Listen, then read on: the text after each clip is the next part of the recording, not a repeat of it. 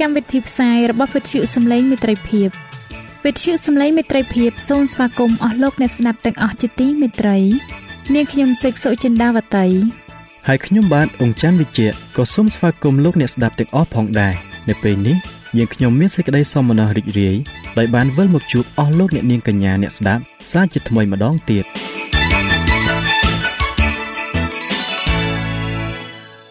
ចា៎លោកអ្នកស្ដាប់ជាទីមេត្រី នាងខ្ញុំសូមគោរពអញ្ជើញអស់លោកលោកស្រីអ្នកនាងកញ្ញាតាមដានស្ដាប់កម្មវិធីផ្សាយរបស់វិទ្យុយើងខ្ញុំដូចតទៅ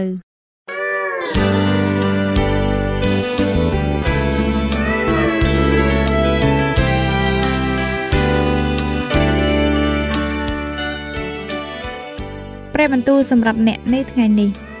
ព្រះគម្ពីរយូហានទី1ចំពុក1ខ9បានចែងថាបើយើងលន់តួបាបវិញ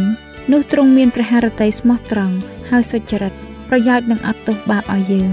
ហើយនឹងសម្អាតយើង ពីគ្រប់អំពើទុច្ចរិតទាំងអស់ផង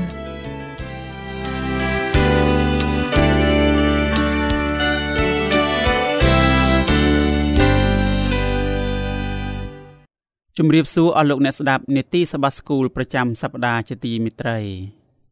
មេរៀនរបស់យើងសម្រាប់សប្ដាហ៍នេះមានចំណងជើងថា លោកយ៉ាកុបដែលជាអ្នកជំនួស សម្រាប់លោកអ្នកដែលចង់បានមេរៀននេះប្រើនៅលើទូរស័ព្ទដៃ Android លោកអ្នកអាចទាញយកបាន តាមរយៈ Play Store ដោយវាយពាក្យថាខ្មែរសបាស្គូលឥឡូវនេះ យើងនឹងក្រឡេកមើល ទៅប្រវត្តិសាស្ត្រគ្រួសាររបស់លោកអ៊ីសាព្រមទាំងលោកអេសាវនិងលោកយ៉ាកុបដែលជាកូនប្រុសរបស់គាត់ផងដែរការចាប់ផ្ដើមនៃរឿងនេះមិនសូវល្អនោះឡើយលោកយ៉ាកុបបានសាងកំហុសជាច្រើន ហើយបានឃើញចំណុចខ្សោយខាងឯវិញ្ញាណរបស់គាត់ជាច្រើននៅពេលដែលគាត់ដណ្ដើមយកសិទ្ធិនៃកូនច្បងជាមួយនឹងបងប្រុសរបស់គាត់នោះក្រោយមកបងប្អូនទាំងពីរនាក់នេះក៏បានដណ្ដើមគ្នាយកព្រះពរពីឪពុករបស់ពួកគេផងដែរដោយដែលមានចែងនៅក្នុងគម្ពីរលោកុបាតចំពុក27លោកយ៉ាកុបបានបោកបញ្ឆោតឪពុករបស់គាត់គាត់បានលួចយកព្រះពរពីបងប្រុសរបស់គាត់ម្លេះហើយលោកយ៉ាកុប បានរត់ចេញដើម្បីការពារជីវិតរបស់គាត់ បន្ទាប់ពីនោះមកលោកយ៉ាកុបចាញ់បញ្ឆោតអ្នកដតីដូចជាគាត់បានបោកបញ្ឆោតឪពុកនិងបងប្រុសរបស់គាត់យ៉ាងដូចនោះដែរយើងអាចមើលឃើញនៅបទពិសោធន៍នេះ នៅក្នុងអាពាហ៍ពិពាហ៍របស់គាត់ លោកយ៉ាកុបបានចាប់ចិត្តនឹងនាងរ៉ាជែលប៉ុន្តែ នៅយប់អាពាហ៍ពិពាហ៍នោះលោកឡាបានបានបោកបញ្ឆោតលោកយ៉ាកុប ដោយឲ្យនាងលេអាទៅគាត់ជំនួសវិញដូច្នេះលោកយ៉ាកុបត្រូវធ្វើការ7ឆ្នាំទៀតទើបគាត់អាចយកនាងរ៉ាជែលមកធ្វើជាប្រពន្ធទី2របស់គាត់ប៉ុន្តែព្រះក៏បានប្រទានព្រះពរឲ្យលោកយ៉ាកុបមានកូនចៅជាច្រើនអ្នកនៅពេលនោះផងដែរព្រះក៏បានប្រទានទ្រព្យសម្បត្តិដល់លោកយ៉ាកុបយ៉ាងច្រើនហូរហៀដែរដូច្នេះយើងបានឃើញសេចក្តីពិតដ៏សំខាន់មួយចេញពីរឿងនេះថារាជរបស់ព្រះ តែងតែបរាជ័យប៉ុន្តែទោះជាយ៉ាងនេះក្តី ព្រះនៅតែរក្សាសេចក្តីសន្យារបស់ទ្រង់ដល់ពួកគេជានិច្ចលោកអ្នកអាចអានអំពីសាច់រឿងរបស់លោកយ៉ាកុបនិងលោកអេសាវនៅក្នុងគម្ពីរលោកុបាទចំពុក25ខ21ដល់ខ34លោកអ្នកអាចប្រៀបធៀបបុគ្គលិកលក្ខណៈរបស់លោកយ៉ាកុបជាមួយនឹងលោកអេសាវតើបងប្អូនទាំងពីរនាក់នេះ មានលក្ខណៈខុសគ្នាយ៉ាងដូចម្តេចទៅ តើអ្វីដែលធ្វើឲ្យលោកយ៉ាកុបស័កសមនឹងទទួលព្រះពរជាជាងលោកអេសាវនោះ មុនពេលដែលលោកយ៉ាកុបនិងលោកអេសាវកើតមក នោះយើងបានឃើញថា បងប្អូនទាំងពីរនេះ ច្បាស់ជាមានបញ្ហានឹងគ្នាជាមិនខាន នៅពេលដែលពួកគេនៅក្នុងផ្ទៃរបស់ពួកគេ នោះពួកគេបានប្រយុទ្ធគ្នា ការប្រយុទ្ធគ្នារបស់ពួកគេបានបង្ហាញយើងថា ពួកគេមានបុគ្គលិកលក្ខណៈខុសពីគ្នាដាច់ស្រឡះ លោកអេសាវបានទៅជាអ្នកចំណានខាងឯវិជាព្រានប្រមាញ់ជាមនុស្សដែលនៅតែទីវាលឯយ៉ាកុបវិញជាមនុស្សរំទុំនៅតែក្នុងត្រសាលវិញ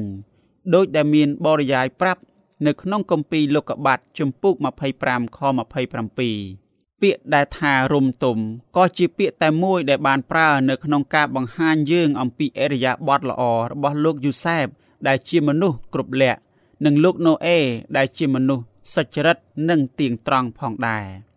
បងប្អូនទាំងពីរនាក់កាន់តែខុសគ្នាបន្ថែមទៀតនៅក្នុងជីវិតរបស់ពួកគេក្រោយៗមក យើងអាចឃើញអំពីរបៀបកាន់តែខុសគ្នាយ៉ាងដាច់ស្រឡះនេះ អំពីពួកគេនៅក្នុងគម្ពីរលោកុបាតជំពូក27ខ1ដល់ជំពូក28ខ5ក្នុងសាច់រឿងលោកអេសាវបានត្រឡប់មកពីបរបាញ់ ទាំងឃ្លានហើយអស់កម្លាំងលោកយ៉ាកុបបានផ្ដល់សម្លសណ្ដែកក្រហមឲ្យបងរបស់ខ្លួនពិសាដោយដូរយកព្រះពរជាសិទ្ធិនៃកូនច្បង សម្រាប់អេសាវវិញ អាហារដែលគាត់បរិភោគនៅពេលនោះ សំខាន់ជាងព្រះពរនាពេលអនាគតរបស់ព្រះនោះទៅទៀតអ្នកស្រី Ellen G. White បានលើកឡើងថា ព្រះបានតាំងសេចក្តីសន្យាជាមួយលោកអាប់រ៉ាហាំលោកអ៊ីសា និងនាងរ៉េបេកាបានរក្សាសេចក្តីសន្យាទាំងនេះនៅក្នុងចិត្តរបស់ពួកគេជានិច្ចលោកអ៊ីសានិងនាងរ៉េបេកាបានបង្រៀនកូនប្រុសរបស់ពួកគេ អំពីសេចក្តីសន្យាទាំងនេះក្មេងប្រុសទាំងពីរនាក់បានឃើញថាសេចក្តីសន្យាមកពីព្រះមានសារៈសំខាន់ជាទីបំផុតសេចក្តីសន្យាដ៏ពិសេសទាំងនេះ មកពីព្រះរាប់បញ្ចូលលើសពីទ្រព្យសម្បត្តិទៅទៀតសេចក្តីសន្យាទាំងនេះ ក៏មានព្រះពរខាងឯវិញ្ញាណនៅក្នុងនោះផងដែរកូនប្រុសដែលទទួលបានព្រះពរនេះនឹងក្លាយទៅជាសង្ឃសម្រាប់ក្រុមគ្រួសាររបស់គាត់ កូនប្រុសនេះនឹងមានកូនចៅជាច្រើនព្រះអង្គសង្គ្រោះនៃផែនដីទាំងមូលនេះនឹងប្រសូតចេញពីពូជអម្បូរនៃគ្រួសារនេះអរលោកអ្នកជាទីមេត្រី លោកអេសាវមិនបានខ្វល់អំពីព្រះពរខាងឯវិញ្ញាណនោះទេ ប៉ុន្តែលោកយ៉ាកុបចង់បានព្រះពរខាងឯវិញ្ញាណជាទីបំផុត ក្រោយមកម្ដាយរបស់គាត់បាននឹកឃើញផែនការមួយ ដើម្បីបន្លំឲ្យឪពុករបស់គាត់ប្រទានពរនោះដល់លោកយ៉ាកុបលោកយ៉ាកុបថែមទាំងប្រើពាក្យថាព្រះយេហូវ៉ាជាព្រះនៃលោកឪពុក ដើម្បីបន្លំលោកអ៊ីសាក់ទៀតផងមែនហើយ លោកយ៉ាកុបចង់បានរបស់មួយដែលល្អប្រសើរប៉ុន្តែគាត់មិនគួរកុហក ដើម្បីឲ្យខ្លួនគាត់បានទទួលរបស់នោះឡើយការកុហកមិនមែនជាផ្នែកមួយនៃផែនការរបស់ព្រះសម្រាប់យើងនោះទេ លោកអេសាវបានដឹងថាលោកយ៉ាកុបបានលួចព្រះពរពីគាត់បាត់ទៅហើយម្លេះហើយលោកអេសាវបានសម្លឹងឃើញថា លោកយ៉ាកុបបានបោកបញ្ឆោតគាត់និងបានយកព្រះពរដែលលោកអ៊ីសាកចង់ឲ្យដល់គាត់ឥឡូវនេះលោកអេសាវចង់សម្លាប់ប្អូនប្រុសរបស់គាត់ នាងរ៉េបេកា មានការព្រួយបារម្ភជាខ្លាំងនាងចង់បញ្ចប់អំពើអូក្រិដ្ឋនេះ នាងមិនចង់ឲ្យអំពើអូក្រិដ្ឋនេះ បានកើតឡើងឡើយដូច្នេះដោយមានជំនួយ ពីអ៊ីសាក់នោះ នាងរ៉េបេកាបានប្រាប់ឲ្យលោកយ៉ាកុបរត់ទៅឯសាច់ញាតិរបស់នាង នៅតាមផ្លូវលោកយ៉ាកុបបានជួបជាមួយនឹងព្រះ នៅក្នុងសុបិនត្រង់កន្លែងមួយ ដែលលោកឲ្យឈ្មោះថាបេតអែលបេតអែលមានន័យថា ដំណាក់របស់ព្រះ លោកយូសែបក៏បានស្បត់នៅទីនោះផងដែរអស់លោកអ្នកជាទីមេត្រីសូមលោកអ្នកអានអំពីរឿងរបស់លោកយ៉ាកុបនៅឯបេតអែលដែលមានចែងនៅក្នុងគម្ពីរលោកុបាតជំពូក28ខ10ដល់ខ22លោកអ្នកអាចប្រៀបធៀបខទាំងនេះជាមួយនឹងរឿងនៃប៉មបាបិលនៅក្នុងគម្ពីរលោកុបាទជំពូក11ខ1ដល់ខ9តើបេតអែលខុសពីក្រុងបាបិលដូចម្ដេចដែរ តើបទពិសោធន៍របស់លោកយ៉ាកុបនៅបេតអែលបានបង្រៀនយើងយ៉ាងដូចម្ដេចអំពីទំនាក់ទំនងរបស់យើងជាមួយនឹងព្រះនោះនៅក្នុងសុបិនរបស់គាត់លោកយ៉ាកុបបានឃើញជណ្ដើរដ៏អស្ចារ្យមួយដែលមានទំនាក់ទំនងជាមួយនឹងព្រះជណ្ដើរនោះបញ្ឈរនៅលើដី ពាក្យសរសេរថាបញ្ឈរប្រែមកពីកិរិយាសព្ទណាត់សាវដែលជាភាសាហេប្រឺកិរិយាសព្ទដដែលនេះក៏ត្រូវបានសរសេរនៅក្នុងខបន្ទាប់ទៀត ដើម្បីបង្ហាញយើងថាព្រះយេហូវ៉ាក៏សន្ធិដ្ឋនៅលើចន្ទាកិរិយាសព្ទនេះបានបង្ហាញយើងថាចន្ទានិងព្រះអម្ចាស់គឺតែមួយទេចន្ទាបានជួយឲ្យយើងនឹកចាំអំពីពួកសាងសង់ប៉មបាបិលពួកគេចង់ទៅឲ្យដល់ផ្ទៃមេឃជណ្ដាដែលលោកយ៉ាកុបបានឃើញក៏មានចុងទល់នឹងផ្ទៃមេឃផងដែរ ប៉ុន្តែប៉មបាបិលនិងជណ្ដាមិនដូចគ្នានោះទេប៉មបាបិលបានបង្ហាញអំពីការព្យាយាមរបស់មនុស្សលោកដើម្បីទៅឲ្យដល់ផ្ទៃមេឃដែលសន្ធិដ្ឋនៅប៉ុន្តែជណ្ដានៃបេតអែលបានបង្ហាញយើងថា យើងអាចចូលទៅចិត្តព្រះបានលុះត្រាតែទ្រង់ចូលមកចិត្តយើងប៉ុណ្ណោះយើងមិនអាចចូលទៅឯព្រះបានដោយការព្យាយាមរបស់យើងនោះឡើយមុនពេលដែលលោកយ៉ាកុបបានសបិនឃើញអំពីចន្ទានេះ គាត់បានយកថ្មមួយមកកាយក្បាលហើយដេកលក់ទៅថ្មនេះបានคล้ายមកជារូបស័ព្ទនៃបេតអែលដែលមានន័យថាដំណាក់របស់ព្រះ លោកអ្នកអាចប្រៀបធៀបសេចក្តីនេះនៅក្នុងគម្ពីរលោកុបាតជំពូក28ខ17ដោយប្រៀបធៀបជាមួយនឹងគម្ពីរលោកុបាតជំពូក28ខ22ដែលបានបង្ហាញអំពីរោងអបោសុតដែលជាដំណាក់របស់ព្រះ រោងអបោសុតនេះ គឺជាស្នូលកណ្ដាលសម្រាប់កិច្ចការដែលព្រះកំពុងតែធ្វើដើម្បីសង្គ្រោះមនុស្សលោកលោកយ៉ាកុបមានពេញទៅដោយសេចក្តីស្រឡាញ់ដ៏ជ្រាលជ្រៅនិងការគោរពកោតខ្លាចចំពោះព្រះម្ល៉េះហើយគាត់បានសម្រេចចិត្តថ្វាយដល់ព្រះមួយភាគក្នុង10ពីគ្រប់ទាំងរបស់ដែលទ្រង់ប្រទានមកទូលបង្គំយើងបានដឹងហើយថា គេក៏អាចហៅដង្វាយមួយភាគក្នុង10នេះថាជាដង្វាយ 10ហូត1ក៏បានដែរលោកយ៉ាកុបបានថ្វាយដង្វាយ10ហូត1ដើម្បីបង្ហាញព្រះថាគាត់ដឹងគុណចំពោះព្រះពរដែលព្រះបានប្រទានដល់គាត់ដូច្នេះជាថ្មីម្ដងទៀតយើងបានឃើញថាគោលគំនិតនៃដង្វាយ10ហូត1នេះគឺមានមុនពេលដែលមានសាសអ៊ីស្រាអែលនៅលើផែនដីនេះទៅទៀតអរលោកអ្នកស្ដាប់ជាទីមេត្រីលោកអ្នកអាចសិក្សាបន្ថែមអំពីរឿងរបស់លោកយ៉ាកុប និងនាងលេអានៅក្នុងគម្ពីរលោកុបាតជំពូក29ខ1ដល់ខ30តើព្រះបានបណ្ដាលឲ្យលោកឡាបានបោកបញ្ឆោតលោកយ៉ាកុបដោយរបៀបណាហេតុអ្វីបានជាទ្រង់ធ្វើយ៉ាងដូចនេះតើលោកយ៉ាកុបបានរៀនមេរៀនអ្វីខ្លះរបស់ដំបូងដែលលោកយ៉ាកុបបានឃើញ នៅពេលដែលគាត់ទៅដល់អណ្ដូងនោះ គឺដុំថ្មមួយផ្ទាំងថ្មបានជួយឲ្យយើងនឹកចាំអំពីបេតអែល ថ្មនៅបេតអែលគឺជារូបស័ព្ទមួយបង្ហាញថាព្រះសន្ធិដ្ឋនៅចិត្តរាជរបស់ទ្រង់ថ្មនៅត្រង់អណ្ដូងនោះនឹងបើកឱកាសឲ្យលោកយ៉ាកុបនិយាយជាមួយនឹងនាងរ៉ាជែលលោកយ៉ាកុបបានរៀនពីអ្នកកងវិលជាមថាមិនយូរប៉ុន្មានទេ នាងរ៉ាជែលនឹងមកដងទឹកឲ្យជាមរបស់នាងផឹកជាពំខាន លោកយ៉ាកុបបានសូមឲ្យអ្នកកងវិលជាមទាំងនោះរុញថ្មចេញ ប៉ុន្តែពួកគេបានបដិសេធម្ល៉េះហើយលោកយ៉ាកុបបានរុញថ្មនោះចេញដោយខ្លួនឯងបន្ទាប់មកគាត់បានណែនាំខ្លួនគាត់ដល់នាងរ៉ាជែលដោយដែលមានចែងនៅក្នុងគម្ពីរលោកុបាតជំពូក29ខ11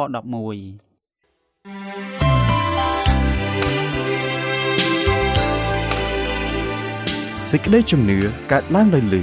ហើយដែលលឺនោះគឺដោយសារព្រះបន្ទូលនៃព្រះតាមរយៈវិទ្យុសំឡេងមិត្តភាព AWR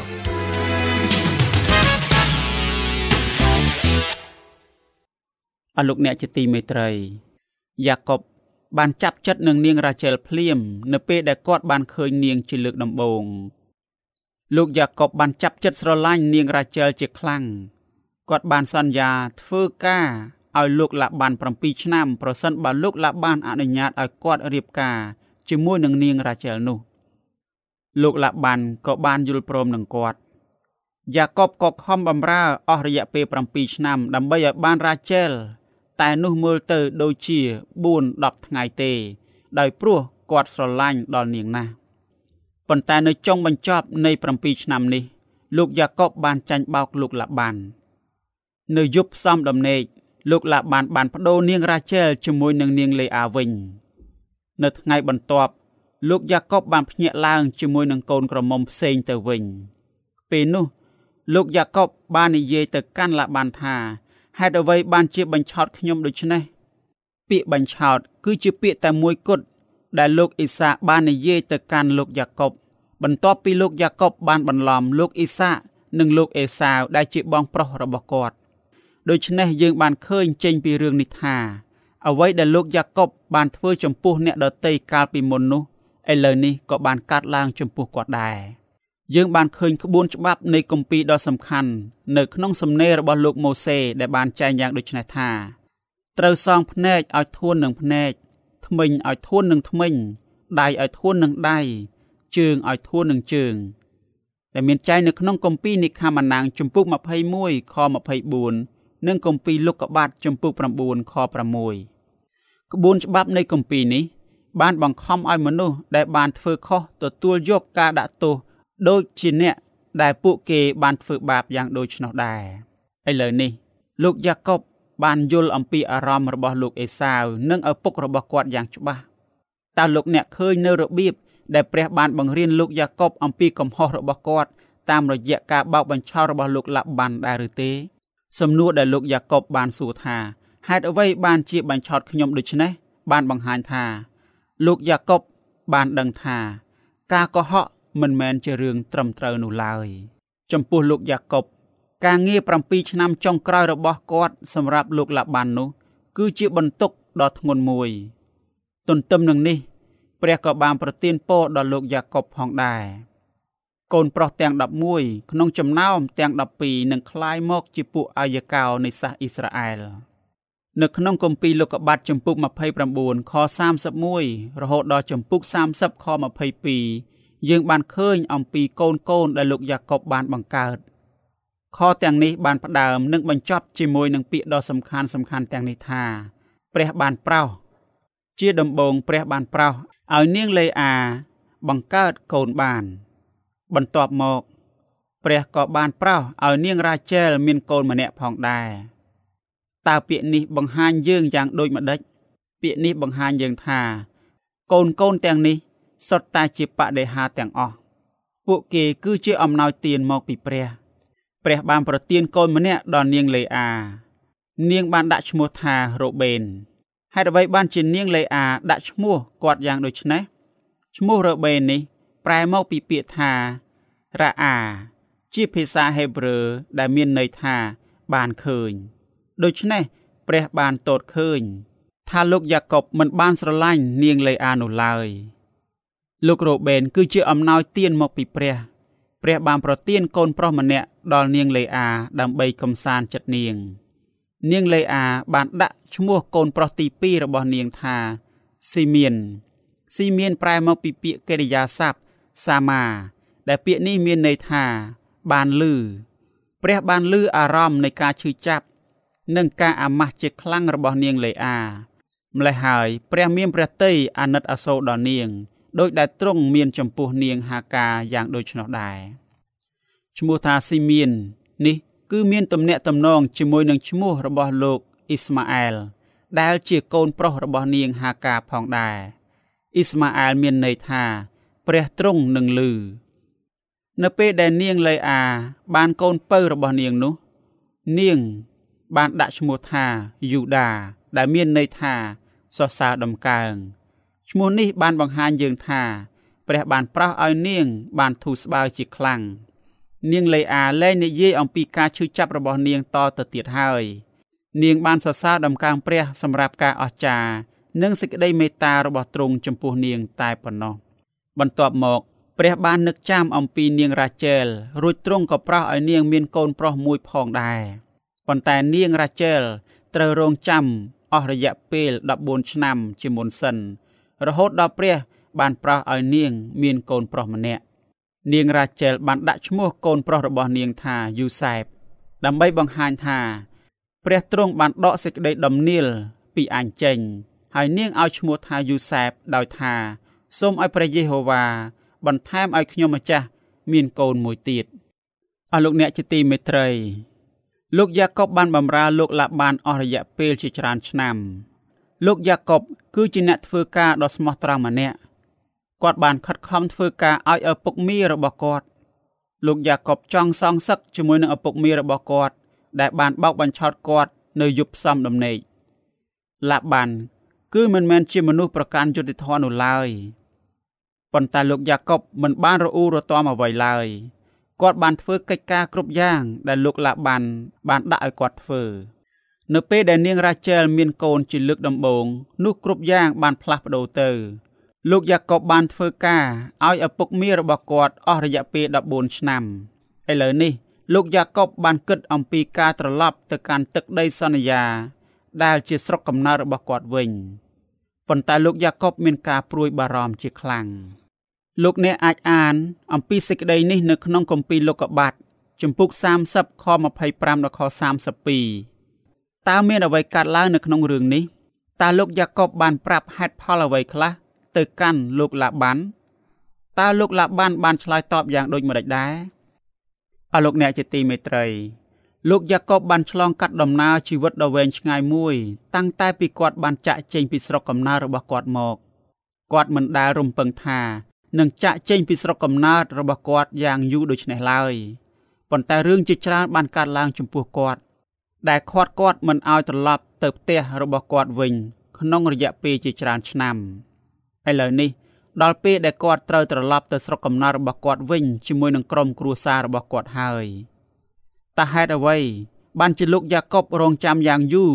នៅក្នុងការត្រឡប់ទៅផ្ទះវិញយ៉ាងដូចនេះហេតុអ្វី បានជាលោកយ៉ាកុបមិនព្រមចាក់ចេញពីលោកឡាបានឲ្យលឿនជាងនេះ ចម្លើយ គឺថា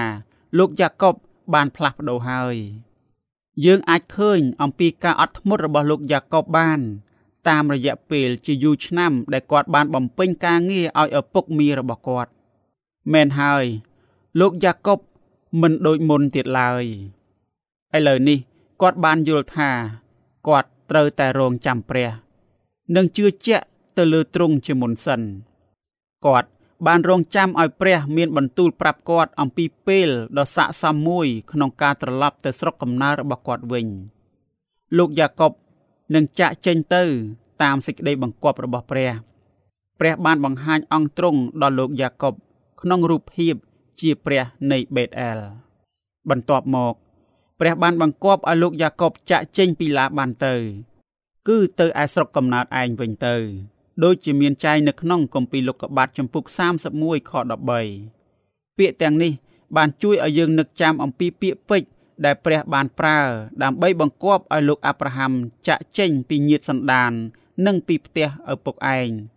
ដើម្បីបង្គាប់ឲ្យលោកអាប់រ៉ាហាំចាក់ចេញពីញាតិសន្តាន និងពីផ្ទះឪពុករបស់គាត់ដែរ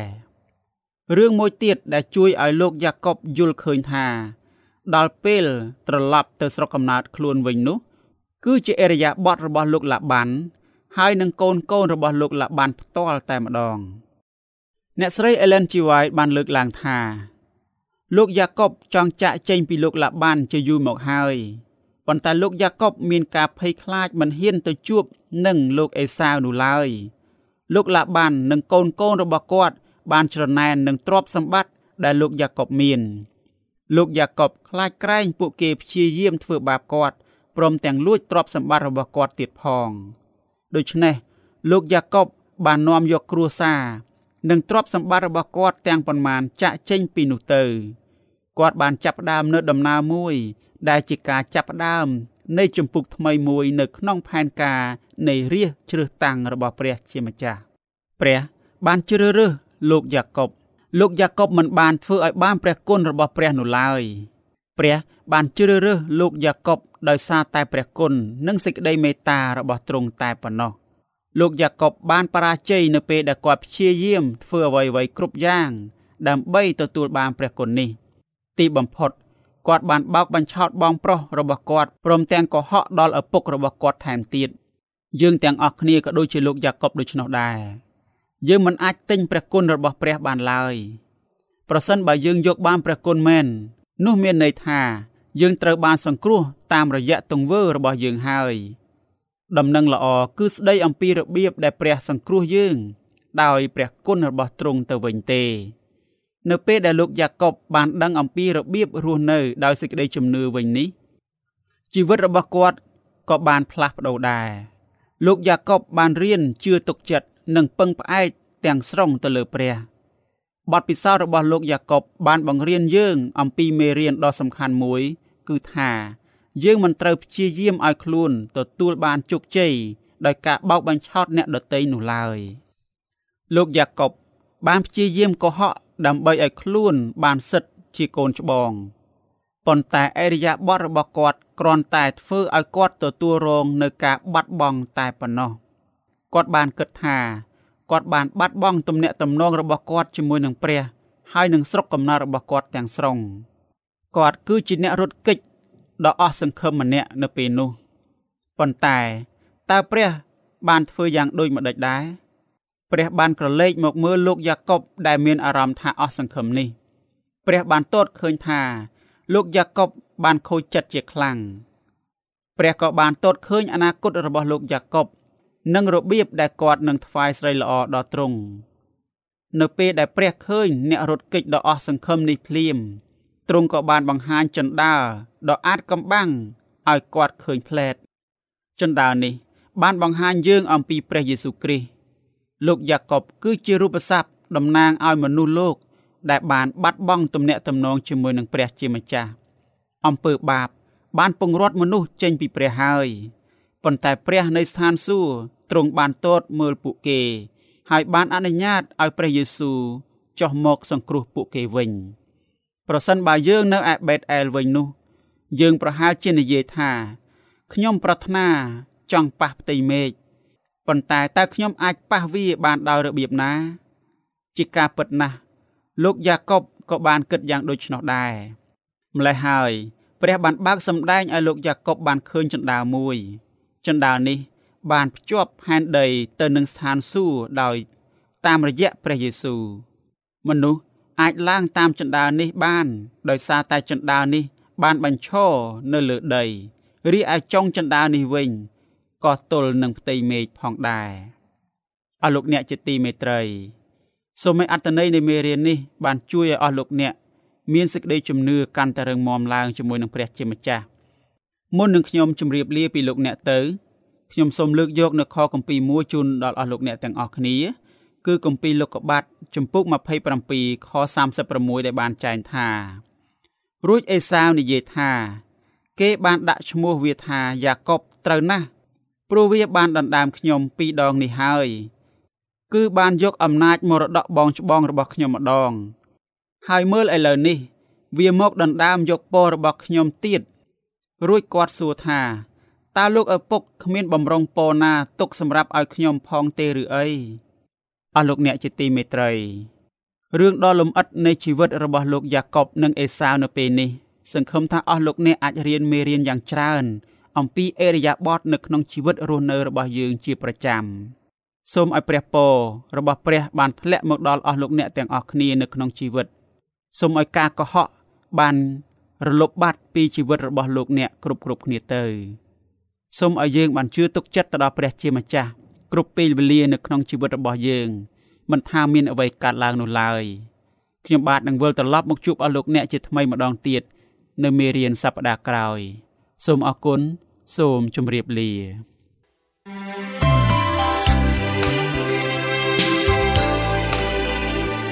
វិទ្យុសំឡេងមេត្រីភាព AWR មានផ្សាយពីរដងក្នុងមួយថ្ងៃគឺព្រឹកនៅម៉ោង6និងពេលយប់ នៅម៉ោង8